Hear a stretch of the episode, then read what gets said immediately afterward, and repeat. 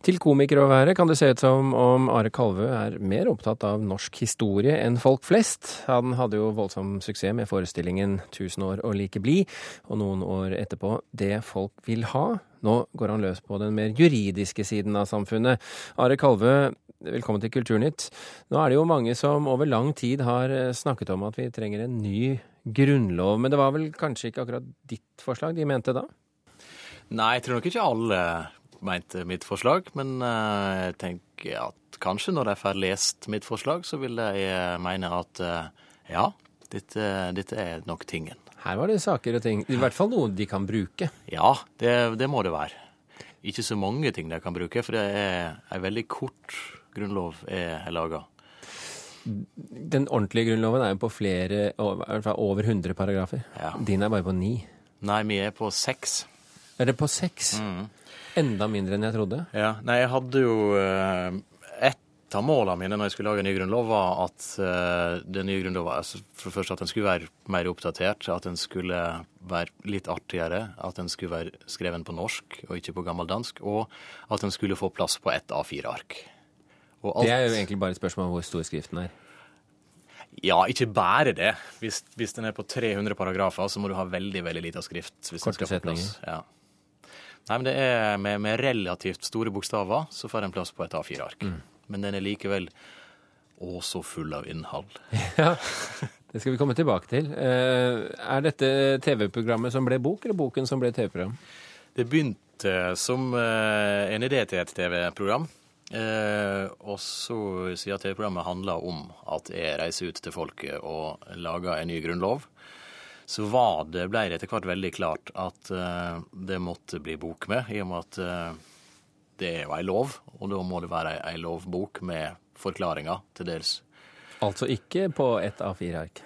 Selve lova er på ett A4-ark, men boka er jo på over 100 sider. Oi. Eh, Så det er, det er forklaringer, digresjoner, utglidninger og, og teoretisering og, og fjas eh, omkring hvert tema som endte opp i Grunnlova i boka. Men det skal altså være åtte programmer, og så klarer du å lage åtte programmer på bare seks paragrafer. Det er imponerende. Ja, det siste, siste programmet handla jo bare om å få spredd Grunnlova. Og så var det, viste det seg at dette med folkestyret tok eh, litt tid, så det trengte jeg to program på. rett og slett. Ja, ja, det tar jo ofte flere hundre år å få det implementert i, i, i nasjoner rundt omkring i verden. Ja, demokratiet er fryktelig vanskelig. Ja, komplisert. Hvordan skred du til verks da du lagde denne grunnloven?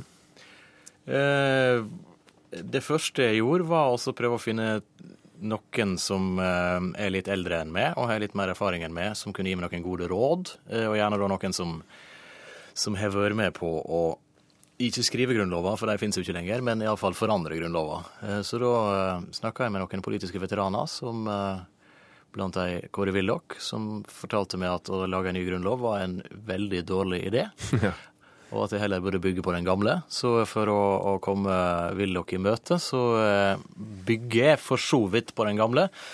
I og med at jeg begynte hvert program i serien med å finne ut hva som står i den gamle grunnlova om akkurat det temaet, eh, før jeg så forkasta den gamle og reiste ut eh, for å finne ut hva dagens menneske mener om det. Det var jo også en fiffig måte å si at du bygger på Willochs forslag. Takk. Um, og hvordan valgte du folk?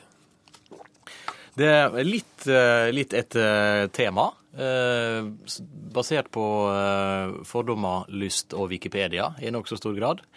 Eh, eh, programmet som skulle handle om eh, religion, når jeg skulle finne ut i hva grad folk vil ha ei statskirke eller ei folkekirke, eller hva det nå blir kalt. Så sjekka jeg på Wikipedia hva i Norge eh, Den norske kirke står sterkest. Eh, som er i eh, Sør-Hålogaland bispedømme. Så derfor så reiste jeg til Sør-Hålogaland bispedømme, Bodø, og spurte folk der. Eh, slik at ingen etterpå skulle kunne ta meg på at jeg reiste dit jeg på forhånd visste at folk var negative til Den norske kirke. Jeg reiste dit folk var mest positive. Men det får ikke noe øh, norsk slagside. Ja, det får jo i så fall ei, ei pro-kirkelig slagside. Eh, som ikke kommer til uttrykk i verken programmet eller den endelige grunnlov. Når, når du, har, du har altså tatt flere temaer, og så har du eh, fått folk til å, å eh, foreslå ting, snakke om det. eh, slags sånne små grunnlovskollokvier, da, eller? Ja, jeg har både s- spurt folk på gata der jeg har vært, og så har jeg brukt eh, det store internettet. Så folk har, jeg har spurt folk om råd underveis, og så har folk skrevet inn eh, forslag. Eh, Men hvis du ser på disse forslagene du har fått, hva forteller det om det norske folkedypet? Det forteller at det norske folkedypet er både bedre og morsommere enn jeg eh, av og til kan få inntrykk av. Eh, Og at det til og med kan virke som om de har tenkt over en del av disse store tinga før. Eh, Men først og fremst så syns jeg det har vist meg at folk gjerne deltar hvis de bare får spørsmål om det. Noe som nok en gang viser at folk i dag burde få lov til å lage grunnlov. Hva slags type saker er folk opptatt av å få implementert i en grunnlov? Der eh, Og det Der spriker det litt. Der spri- spriker det veldig. Der jeg fikk eh, Dette gir kanskje ikke et så positivt bilde av folk. Der jeg fikk eh, desidert minst svar og forslag, var når jeg spurte hva plikter bør alle ha i samfunnet. Nei, det er ikke folk så opptatt av. Nei, det var veldig, veldig laber stemning for plikt, sånn i det store og det hele. så plikt er nok på vei ut, rett og slett. Er et forvarsel. Ja, det er det. Og så var det um, største engasjement når jeg spurte folk om det finnes ting som burde være forbudt, som ikke er forbudt i dag. Da kom alle de små tinga som irriterer folk.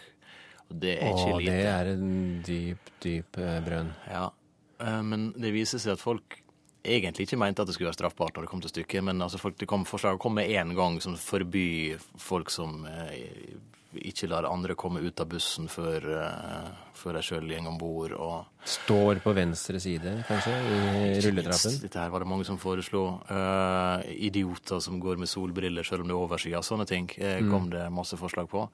Men det vi gjorde, og som vi gjør i hele denne serien her, er jo å teste om dette her egentlig er det folk mener. Eh, Så det vi gjorde var at vi sendte ut to stykker i refleksvester med blokk og blyant for å bøtelegge folk for alt dette her, mm. mens de ble filma uten å være klar over at de ble filma. Og det syns ikke folk var greit. Så, eh, så folk vil nok ikke at det skal være straffbart når det kommer til stykket. Hvilke seks paragrafer endte dere opp med? Dette vil jo komme klart fram eh, i løpet av boka og serien, men eh, det, Det kan han- komme litt uklart frem her, kanskje? det kan komme litt uklart frem her, det kan det godt. den, eh, den første paragrafen handler jo rett og slett om eh, eh, hva slags samfunn skal dette her være. Som den gamle første paragrafen, for så vidt. Den begynner jo med fire ord som beskriver samfunnet, og det er det nye lova med. Den andre paragrafen handler om religion. Den tredje handler om Nå må jeg tenke. Den tredje handler om monarki, der vi, som vi revolusjonerer. Og det kraftig. består? Monarki består? Ikke i den nåværende form, Nei. såpass mye kan jeg vel si. Eh, og det, så er det da en paragraf som handler om eh, folkestyre, som eh, blir definert på en eh, ny og bedre måte. Eh, Og også, kanskje en måte som man ikke helt hadde ventet før man så dette programmet? det gjelder nok flere ting her, vil jeg tro. og så er det en paragraf om forbrytelse og straff.